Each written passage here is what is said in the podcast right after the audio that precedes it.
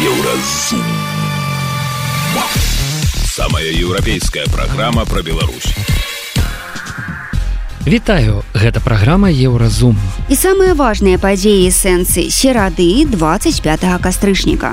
Ці сапраўды ў 2020 Лукашенко ўратаваў планету ад ядзернай вайны. Лукашенко абсалютна ігнаруе той факт, што падзеі 2020 года ў Беларусі мелі чыста унутрыпалітычны кантэкст. Гэта быў унутрыпалітычны канфлікт паміж грамадствам, якое захацела стаць суб'ектам палітыкі і паміж рэжымам, які не захацеў саступаць уладу.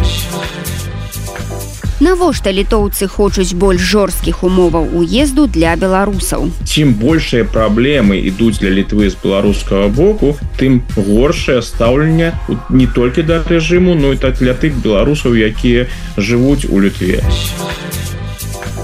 чаму беларусы яшчэ жывыя калі ўсё настолькі кепска з беларускай медыцынай? Вероятность ошибки выше. Ошибка не равно смерть.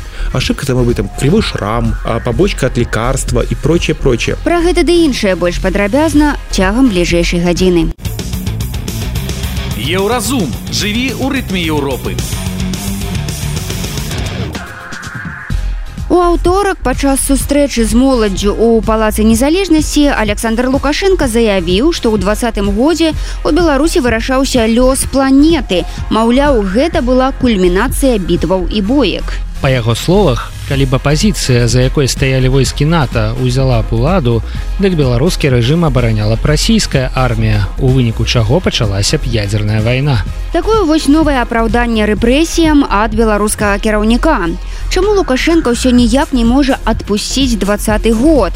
У чым незвычайнасць такіх заяваў? Вось што на гэтае пытанне youtube каналу обычное утро адказаў палітолог валерый карбалевич бачыце лукашенко абсалютна ігнару ігнаруе той факт что падзеі 2020 года ў беларусі мелі чыста унутрыпалітычны кантэкст. Гэта быў унутрыпалітычны канфлікт. Канфлікт паміж грамадствам якое захацела стаць суб'ектам палітыкі і паміж рэжымам які не захацеў саступаць уладу хоць яе прайграў падчас прэзідэнцкіх выбораў лукашенко гэта абсалютна ігнаруе і хоча перевесці гэтую сітуацыю канфлікт геапалітычны.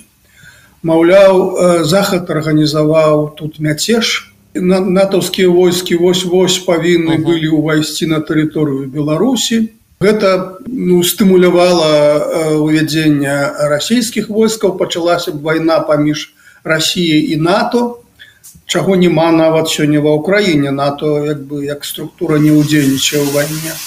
Пачалася б э, ядерная вайна. І таму тое што гэты мяцеж быў э, задушаны гвалтам э, гэта азначае што э, была прадухілена прадухілена ядерная вайна. То бок лукашенко выглядае не як чалавек які ратаваў сваю ўладу ён ратаваў свет ад гібелі ад тэрмаядзернай войны і таму ну вось як ён сказаў пройдзе час і все ацэняць что адбылося ў двадцатым годзе. То бок яго цяпер трэба ацэньваць як чалавека які выратаваў свет ад ядерной войны не больш не менш.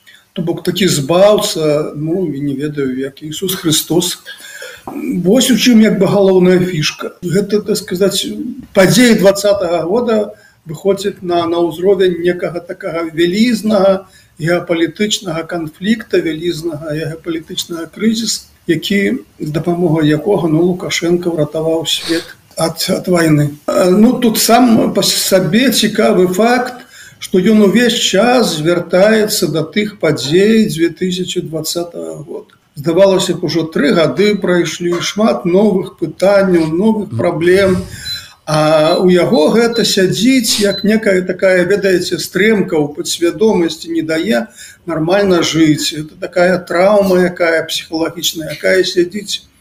І ён час увесь увесь час до гэтага звяртаецца. Чтоб ён не гаварыў якую б нараду не праводзіў з кім не сустракаўся але гэта тэма весь час яго моцна баліць.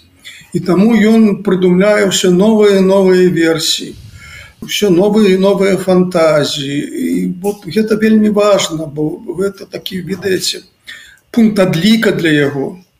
Э, пункт адліка для яго э, сапраўды гэта цяжкая псіхалагічная траўма для чалавека які лічыў сябе народным прэзідэнтам гэта сведчыць пра той шок які ён перажыў тыя дні Вось і вось мне падаецца гэта важно лукашенко як не намагаецца граць ролю палітыка сусветнага маштабу касякі здараюцца і ў яго. Вось як у гісторыі з віншаваннем прэзідэнта такаева з днём незалежнасці казахстана. Беларускі кіраўнік напісаў калегу пра сяброўства давер салідарныя падыходы да развіцця інтэграцыйных працэсаў. А тым часам Казахстан партнёр беларусі па ДКБ днямі адкрыў у сябе цэнтр ненавіснага лукашэнкам нато. Такія вось давер і салідарнасць У апошні час Казахстан адкрыта дыстанцыюецца ад рассіі. Гэта заўважна і па заявах такаева пра непрызнанне захопленых рассіі украінскіх тэрыторый і самаабвешчаных рэспублік і па мяккім адыходзе гэтай краіны ад рускай мовы і па кантактах кіраўніцтва Казахстану з краінамі захада.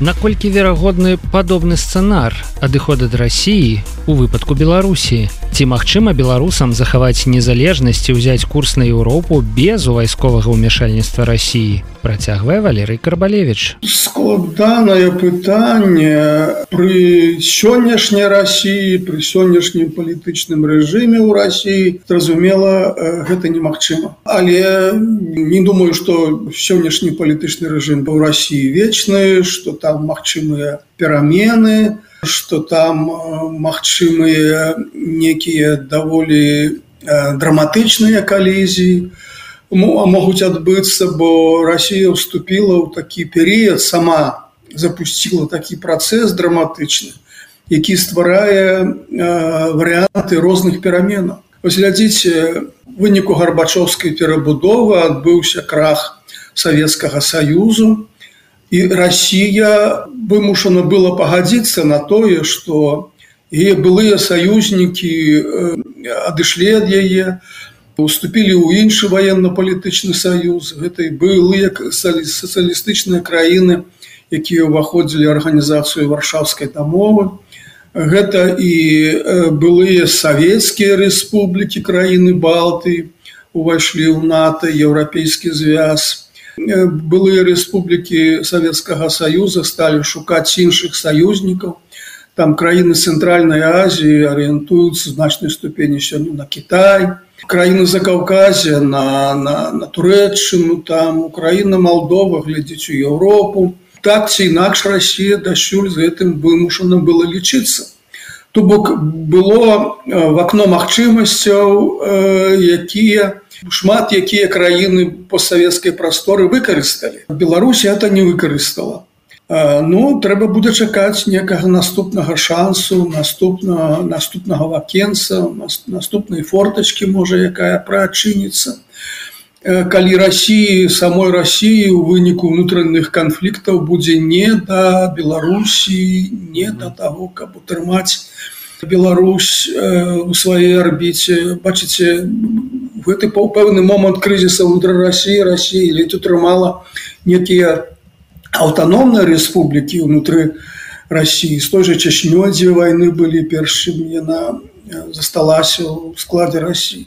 Таму э, мы глядзім у гістарычную перспектыву і нельга казаць, што такога не можа быць ніколі. Такое Ось... можа быць просто Беларусі трэба да гэтага быць готов. Ці ёсць паразуменне таго, што мы не Росія. Ну тут шмат аспектаў у гэтым пытанні. Першы аспект это тое, што беларускі соцыў, вельмі моцна расколаты прычым гэтае паглыбленне расколу яно адбываецца яно штучна ствараецца ўладамі. То бок мы бачым такую сітуацыю ціхай холоднай можа грамадзянскай войны Вось калі абодва бакі вядуць паміж сабою такія вельмі жорсткія дыскусіі і тое што тысячи людзей прайшлі прастормы і зараз сядзяць гэта сведчыць пра тое што это унутраны канфлікт у беларусі вельмі моцны вельмі жорсткі Таму казаць пра, пра Беларусь як некую адзіную нацыю, адзіны соцыум, які мае ясныя уяўленні пра тое, як далей жыць не выпадае. Але двадцаты год паказаў, што беларускае грамадства, беларускі соцыум гатоў стаць суб'ектам палітыкі. Беларускае грамадства гатова ўзяць на сябе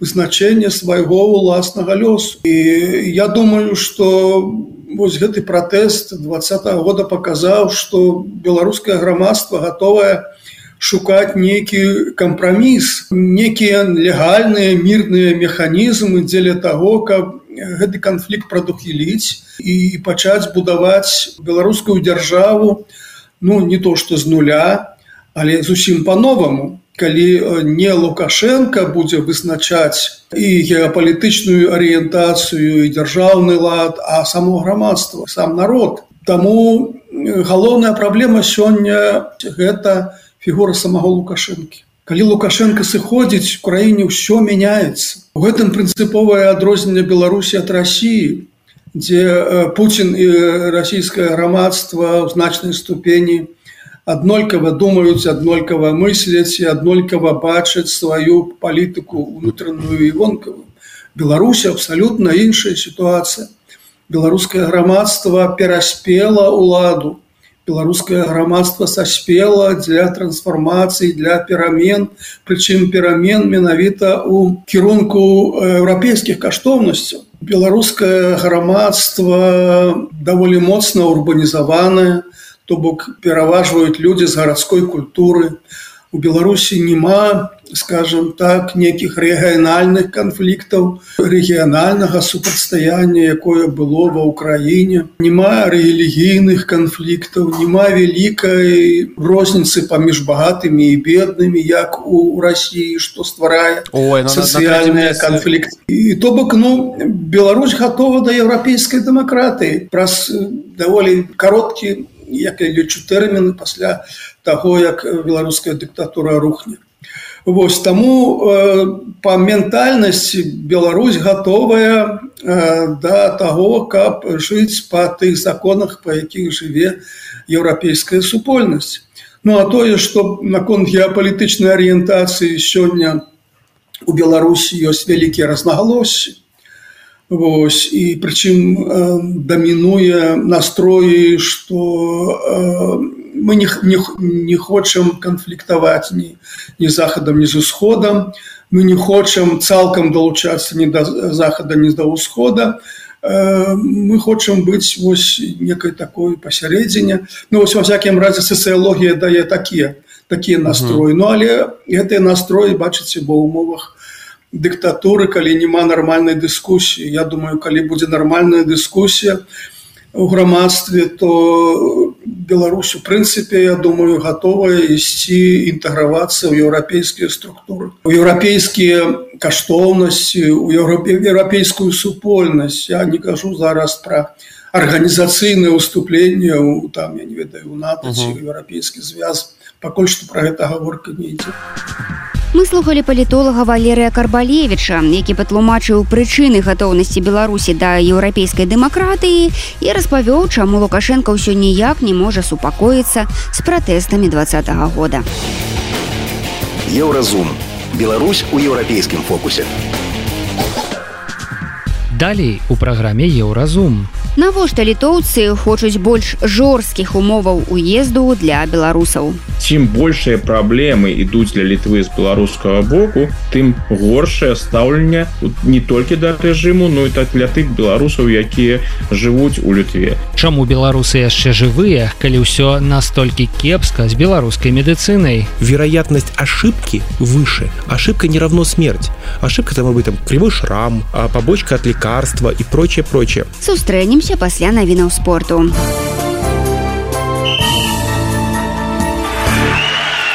На еўрарадыё навіны спорту. У рэгулярным чэмпіянаце беларускай хакейнай экстралігі шахцёр з лікам 1-0 абыграў аршанскі лакаматыў. Салігорцы набралі 32 ачкі. На два больш у лідара віцебска. Бліжэйшыя матчы прызначаныя на 27 кастрычніка. Найлепшы снайпер хакейнага клуба ліда Вадзіма Панасевіч прызваны ў войска. У клубе кажуць, што гэта вялікая страта і яны яшчэ спадзяюцца Панасевіча адтуль выцягнуць. У 21 матчы першынства хакеіст закінуў 8 шайбаў. У чэмпіянаце НХл Вашынгтон, за які выступае Алексей Протас прайграў Таронта 1-4. А калгары Ягора Шаранговіча саступіў рэйнджерсу 1-3. Беларускія хакеісты выніковых балаў у гэтых матчах не набралі. У футбольнай юнацкай зборнай Беларусі першае паражэнне ў адпоры чэмпіянату Еўропы. Яны прайгралі гаспадарам турніру Турцыі 0-1. У першым паядынку была перамога над Шатландыяй 3-1. У пятніцу беларусы згуляюцца зборнай Казахстана. У наступны этап трапяць дзве найлепшыя каманды групы. У Турцыі чатыры ачкі. У Беларусі і Шатландыі патрым. Казахстан мае одно ачко прайшлі першыя матчы трэцяга тура футбольнай лігі чэмпіёнаў. У мюнхенскай баварыі трэцяя перамога запар. У гасцях быў абыграны галатасарай 31 максімум ачкоў узяў і мадрыцкі рэал. На гэты раз у гасцях была перамога над партугальскай брагай 21 гэта былі навіны спорту. Заставайцеся на еўрарадыё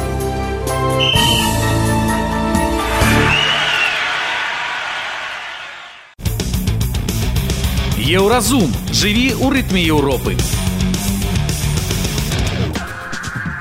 Больш за 60 процентаў жыхароў літвы выступаюць за больш жорсткія умовы ўезду для беларусаў. Гэта вынікі апытання Балтіёс Ціріма. Пытанне задалі 1023 жыхарам нашай паўночнай суседкі ва ўзросце ад 18 гадоў. Цікава, што галоўнымі праціўнікамі беларусаў сталі жанчыны, а таксама людзі старэйшыя за 50 гадоў і жыхары сельскай мясцовасці. У 2020 годзе літва падтрымала памкнення грамадзянаў беларусі да свабоды і з пачаткам рэпрэсій прыняла на сваю тэрыторыю дзясяткі тысяч беларускіх палітуцікачоў. У літве дзейнічае і беларускі протаўрад аб'яднаны пераходны кабінет. Таксама знаходзіцца офіс святланы ціхановскай якую кіраўніцтва літвы узяло под сваю абарону. Падавалася б у літвы ёсць кансенсус адносна беларусаў але гэта не так. І пра гэта сведчыць не толькі вышэй згаданая апытанка ці дыскусіі ў літоўскім сейме наконт прыроўнівання беларусаў да рускіх. Ёсць яшчэ напрыклад і гісторыя з беларускім літвінізмам у якой улады літвы бачаць пагрозу нацыянальнай бяспецы. Пра тое чаму ў літве ніяк не могуць вызначыцца са стаўленнем да беларусаў запыталіся ў гісторыка і палітычнага аглядальніка александра фрыдмана Ну тут па-першае што ўплывае на стаўленне літоўскага грамадства? Настаўленне літоўскага грамадства уплываюць паводзіны беларускіх уладаў. Чым горшыя паводзіны назіраюцца чым больш дрэннае стаўленне чым большыя праблемы ідуць для літвы з беларускага боку тым горшае стаўленне не толькі да рэжыму Ну і так для тых беларусаў якія жывуць у лютве Ну мы живвем у экстрэмальныя часы экстрэмальныя часы калі ідзе вайна ў Еўропе калі пачалася зараз новая вайна на блізкім усходзе якая таксама мае наступствы для Еўропы і можа мець вельмі сур'ёзныя наступствы для Еўропы. У літве у краінах балты у Польшчы сыходзіць з таго што вайна можа перакінуцца і на іх тэрыторыю гэта такі вельмі распаўсюджаны дыскурс я б нават сказаў что ў краінах балты ён яшчэ больш распаўсюджаны чым у Польшчы на за ў заходняй Еўропе яго фактычна няма А вось у ўсходняй Еўропе ён прысутнічае і калі людзі жывуць вось такімі з такімі уяўленнямі сыходзяць з таго что ім можа что пагроза ідзе з боку Беларусі і нават усё можа скончыцца вайной то у таких экстрэмальных умовах ну цяжка чакаць что яны там будуць асабліва разважаць і і рабіць розніцу паміж рэжымам лукашэнкі і паміж тымі беларусамі якія супраць лукашэнкі але апынуліся на тэрыторыі на тэрыторыі літвы. Я б тут просто правёў бы гістарычную аналогію з тридцатымі годамі у 30 гады хапала немцаў якія былі супраць нацызму якія пакінулі трэці рэйх які удзельнічалі у руху супраціваў розных еўрапейскіх краінаў. Але яны заставаліся немцамі і вельмі часто сутыкаліся з тым что іх звязвалі з гітлераўскай імперыяй і казалі ну можа ты і супраць але твоя краіна краіна з якой ты паходзіш яна вядзе супраць нас барацьбу Ну конечно ну не я я не параўновую гітлераўскую Германію з лукашэнкаўскай Беларусю не я рэжымы не параўновую я параўновую успрыняцце і мы павінны разглядаць сітуацыю рэальна якая яно есть. Паколькі рэжым лукашэнкі будзе хутчэй за ўсё працягваць акцыі супраць літвы гэтые адмоўныя настроі яны будуць толькі ўзмацняцца. Ну уявіце сябе сітуацыю про якую зараз раз пораз разважаюць люди якія займаюцца праблемамі міграцыі у заходняй Еўропе калі сапраўды будзе такая акцыя трансферу уцікачоў з сектора газы праз Егіпет у Беларусь і потым гэтыя людзі як это было ўжо 2021 годзе с выхадцамі з Сірыі Куртыстану пачнуць штурмаваць беларуска-літоўскую мяжу спрабаваць пранікнуць. І у літве будуць дакладна зразумець што гэта будзе праект Путина і лукашэнкі.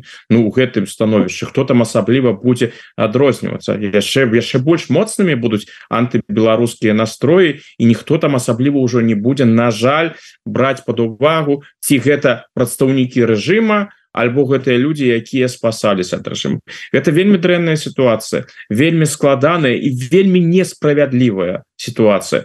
Я вельмі добра зразумею эмацыйны стан беларусаў якія пакінулі ў 2020 21 годзе Беларусь з прычыны дыктатуры апынуліся ў літве і зараз у літве вось атрымліваюць так бы мовіць квіток у двукосці за гэты рэжым. Там негатыўныя эмоцыі іншых гэта абсалютна несправядліва. Гэта вельмі дрэнна. Але на вялікі жаль вось такую палітычную рэчаіснасць маем мы сёння у Еўропе. І людзі простыя людзі якія да гэтага рэжыму яго дзеянняў недатычныя яны яны терпяць праз это Мы слухали гісторыка і палітычнага аглядальніка Александра Фрыдмана. Ён патлумачыў, чаму літоўцы ну ніяк не могуць вызначыцца з тым, ці лічыць беларусаў коцікамі, ці не лічыць. Еўразум. Беларусь у еўрапейскім фокусе. Далей у праграме Еўразум. Чаму беларусы яшчэ жывыя, калі ўсё настолькі кепска з беларускай медыцынай? Вероятность ошибки выше. Ошибка не равно смерть. Ошибка там быть там кривой шрам, а побочка от лекарства и прочее, прочее. Сустрэнемся пасля навінаў шоу-бізу. Шоу-біз.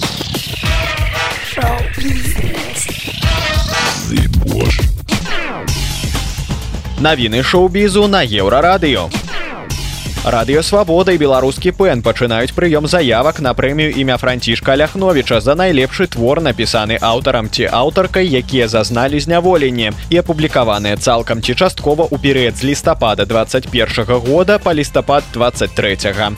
Тэматыка твораў што могуць прэтэндаваць на прэмію не абмежаваная на разгляд прымаюцца дакументальныя і мастацкія творы на беларускай і рускай мовах як апублікаваныя так і ў выглядзе рукапісу права намінацыі маюць таксама ўсе сябры беларускага пэна. Прэмія кінакрытыка ў чырвоны верас апублікавала доўгі спіс намінантаў. Журы прэміі ў складзе 16 чалавек будзе ацэньваць кінаработы ў 13 намінацыях. Самымі прадстаўнічымі аказаліся намінацыі найлепшы дакументальны кароткаметражны фільм і найлепшы ігравы кароткаметражны фільм. У іх спаборнічаюць па 21 карціне. Тут прадстаўленыя метадычка Паўла Мажара, маладосць па-беларуску Ксеній Галубович, ператрымка Андрэя Кашперскага. У намінацыі найлепшы дакументальны поўнаметражны фільм заяўленыя 17 стужак. Тут прысутнічаюць калі кветкі не маўчаць Андрэя Куцілы, Мара, Сашы Кулак, Кураж, Алексея Палуяна і іншыя. Дэбютная аўтабіяграфія спявачкі брытні спірс сёння афіцыйна з'явілася ў продажы. Кніга была настолькі доўгачаканай, што некаторыя журналісты месяц таму знайшлі часткі тэкста, якія разляцеліся па ўсім свеце навінамі шоу-бізу. Вядома, што зорка распавяла ў мемуарах шмат таямніц, пра якія не было вядома дагэтуль. Мяркуецца, што пачне разгарацца скандал наконт аборту, які брытні была вымушаная зрабіць у стасунках з джасцінам цімберлейкам. Таксама спірс напісала аб цяжкіх адносінах з бацькам і аб супрацоўніцтве з ім ім у якасці свайго дырэктара. Ёсць у кнізе ўзгадванне аб тым, як спявачку таемна адправілі на рэабілітацыю за ўжыванне безрэцэптурных энергетычных дабавак. Гэта былі навіны шоу-бізу, заставайцеся на еўрарадыё.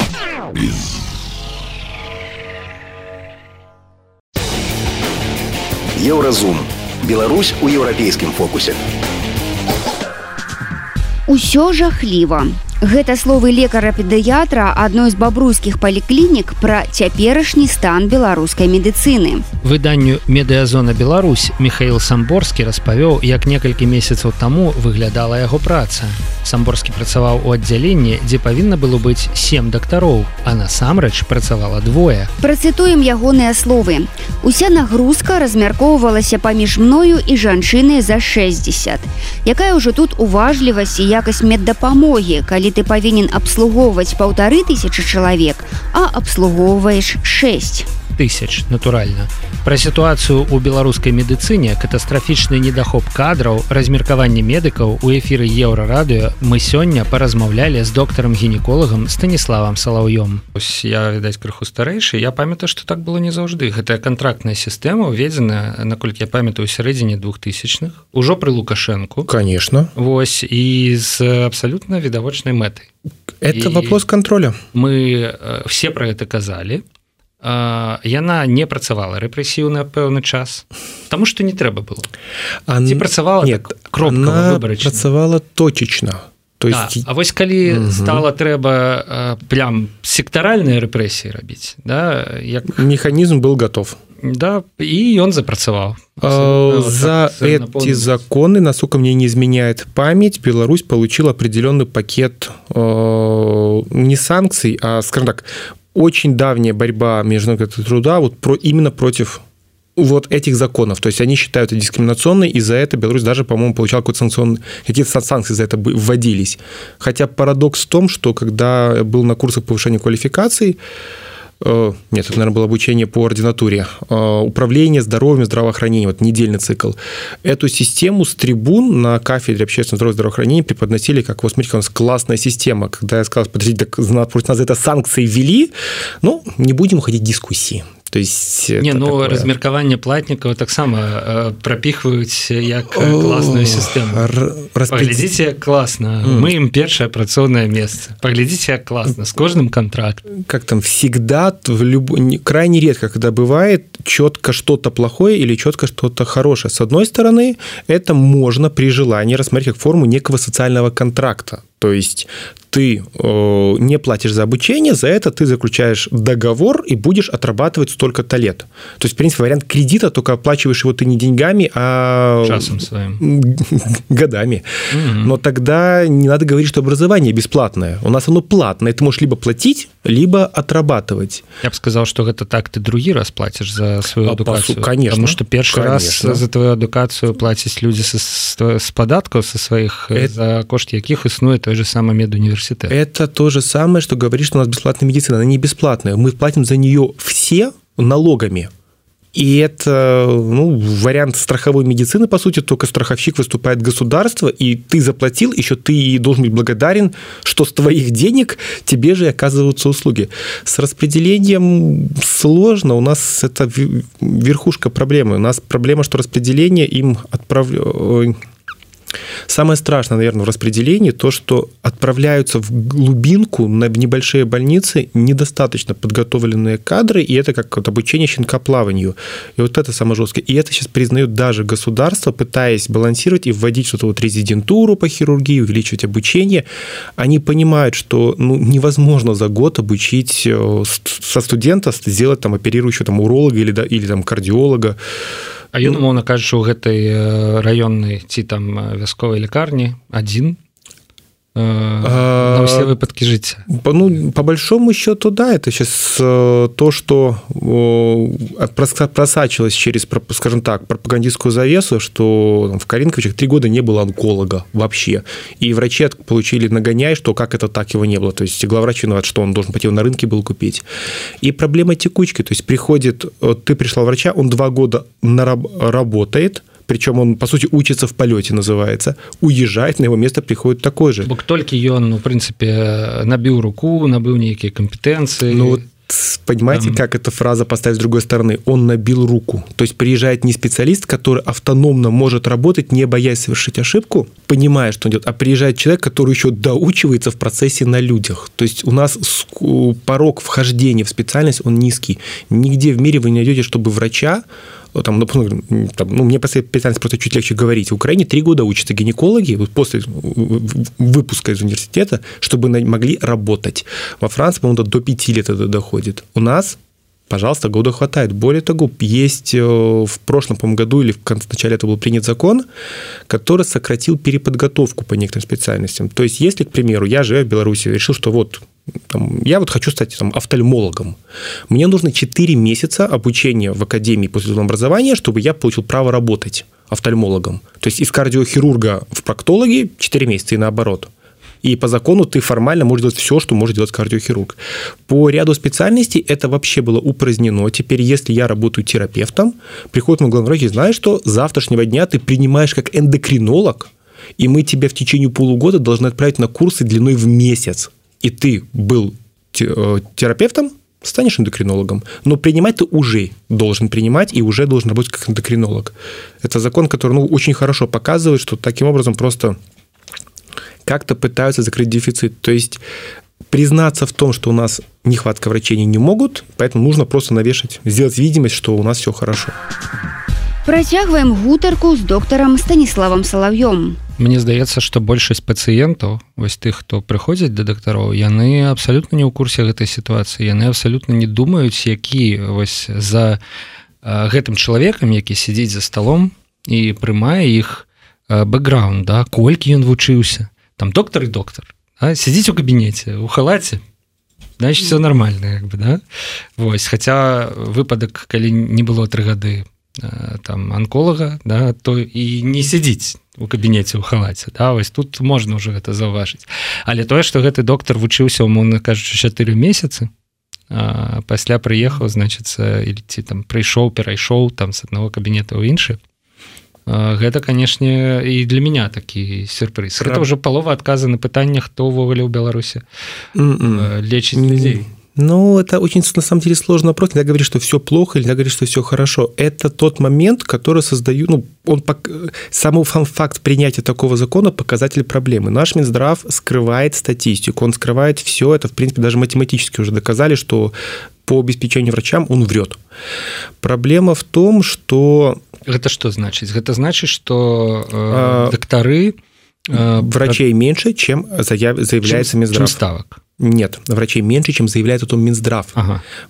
ставок это такая больная тема переработок. То есть у нас игнорирование трудового законодательства и по факту ну, сложновато найти врача который работает на голую ставку. Обычно все работают с переработкой. При том это доходит до 32 часовых смен. Когда ты пришел на работу в понедельник утром уходишь во втор в 4 там часа дня во вторник а в среду ты опять приходишь на работу и спокойненько идешь на вторые 32 часа. Сутки через сутки такой есть мрачноватое выражение. У нас очень сильный дефицит, но он везде существует, то есть нет, ну, много стран сталкиваются с дефицитом врачей, но проблема в том, что у нас запрещено про это говорить. То есть у нас система неудобная ни для пациента, ни для медика, но она должна говорить, что всегда все хорошо. Ты не можешь признаться пациенту, что у нас нет какого-то лекарства в больнице.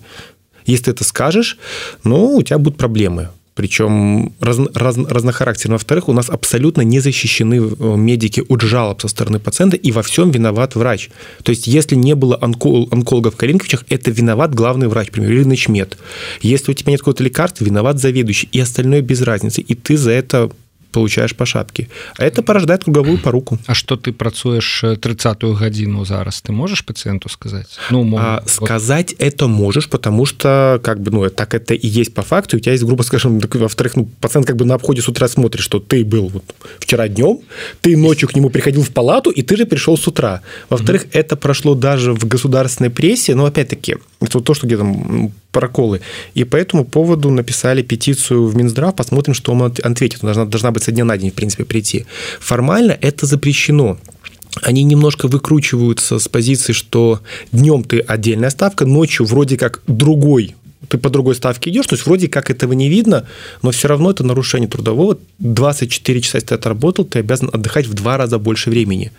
И про это, в принципе, просто это то, что знают все, но то, что как-то, ну, то, что все не знают. К примеру, мои родственники, не связанные с медициной, когда узнали про эту практику, ну, были слегка удивлены А мой покойный отец рассказывал еще проще, когда он ложится на операционный стол и слышит разговор хирурга с анестезиологом, там, как у тебя ночь от хирурга, «А, даже не присел, на три операции. И отец понимает, что у человека вот пошел уже на, на 30 час работы, а как бы четвертая операция карці его операция умовно кажучи нет три только за ночь. А. То есть человек просто вот он пришел на работу вчера так вот он и не останавливался а от неправильно расчетанной дозы или просто там неправильного движения есть много работ в медицине которые исследовали это и, дока- и показывают что это выше риск ошибки и прочее прочее. Поэтому у нас на это просто закрывают глаза потому что некому работать. И вот тут такой вот интересный парадокс а что делать потом? Цікавае пытанне з каментароў станіслава. Чаму мы тады усе яшчэ не здохлі а ну во-первых предположим что медицина вообще природой не предусмотрена то есть человеческий организм довольно живучий и не от всех заболеваний мы должны умирать во-вторых я, скажем так, имел опыт хождения в операционном на 30 час, ты все равно делаешь свою работу. Вопрос медицины не о точности, это о вероятности. Вероятность ошибки выше. Ошибка не равно смерть. Ошибка, это может быть там, кривой, там, кривой шрам, а, побочка от лекарства и прочее, прочее это не равно, что там или все, или ничего. Во-вторых, а посмотрите на среднюю, если, если, думаю, покопаться на количество инфарктов, инсультов и прочее у врачей, то почему-то выяснится, что ну, там, фельдшеров, медсестер, что количество это будет большее. То есть это когда проводилось исследование по условиям труда в Беларуси, мы пытались доказать наличие принудительного труда, то есть по сути, варианта рабства, что если ты не работаешь, ты, наказ, ты будешь наказан. Но это очень жесткий термин, к сожалению, или частью мы доказали только наличие эксплуатации. То есть, по сути, эта система чем-то сродни гулаговской. Тебе, ты, тебе приходит молодая кровь, и ты просто из нее выжимаешь в ноль.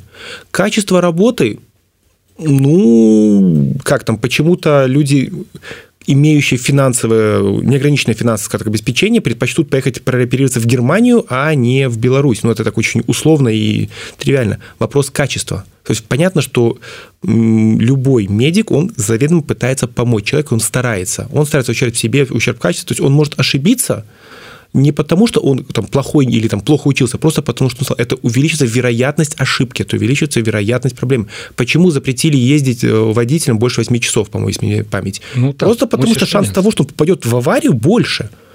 Но раньше-то они же ездили так, просто посчитали, что ну, ну так не должно быть, потому что ну не должно так быть. Цікава, что у классный прыклад про кіроўцу бок у кіроўцаў гэта як не любіць паўтараць э, тэхніка бяспекі напісаная крывёй да? і вот это правілы дорожнага руху там напісаныя крывёй калі мы бярем такую масавую і то аўтобусы трапляюць у аварыі здараецца што кіроўца засынае за рулём то бок нават пры гэтых абмежаваннях да рызыку памылкі помылку выключить ну рызыка заўжды есть помылку выключить не врачебная да? ошибка это то что было есть и будет это не потому что там ты дурак а потому что это стечение обстоятельств которые невозможно было предусмотреть то есть это бывает во всем мире это не подсудно доктор гінеколог станіслав салавей распавёў нам пра цяперашнія праблемы беларускай медыцыны і патлумачыў чаму лекары пакідаюць Беларусь еўразум Беларусь у еўрапейскім фокусе у Гэта была праграма Еўразум, штодзённы інфармацыйны падкаст еўрарадыё. Кожны дзень мы распавядаем пра самыя галоўныя навіны Беларусі і свету. А сённяшні выпуск скончаны. Беражыце сябе. Пачуемся.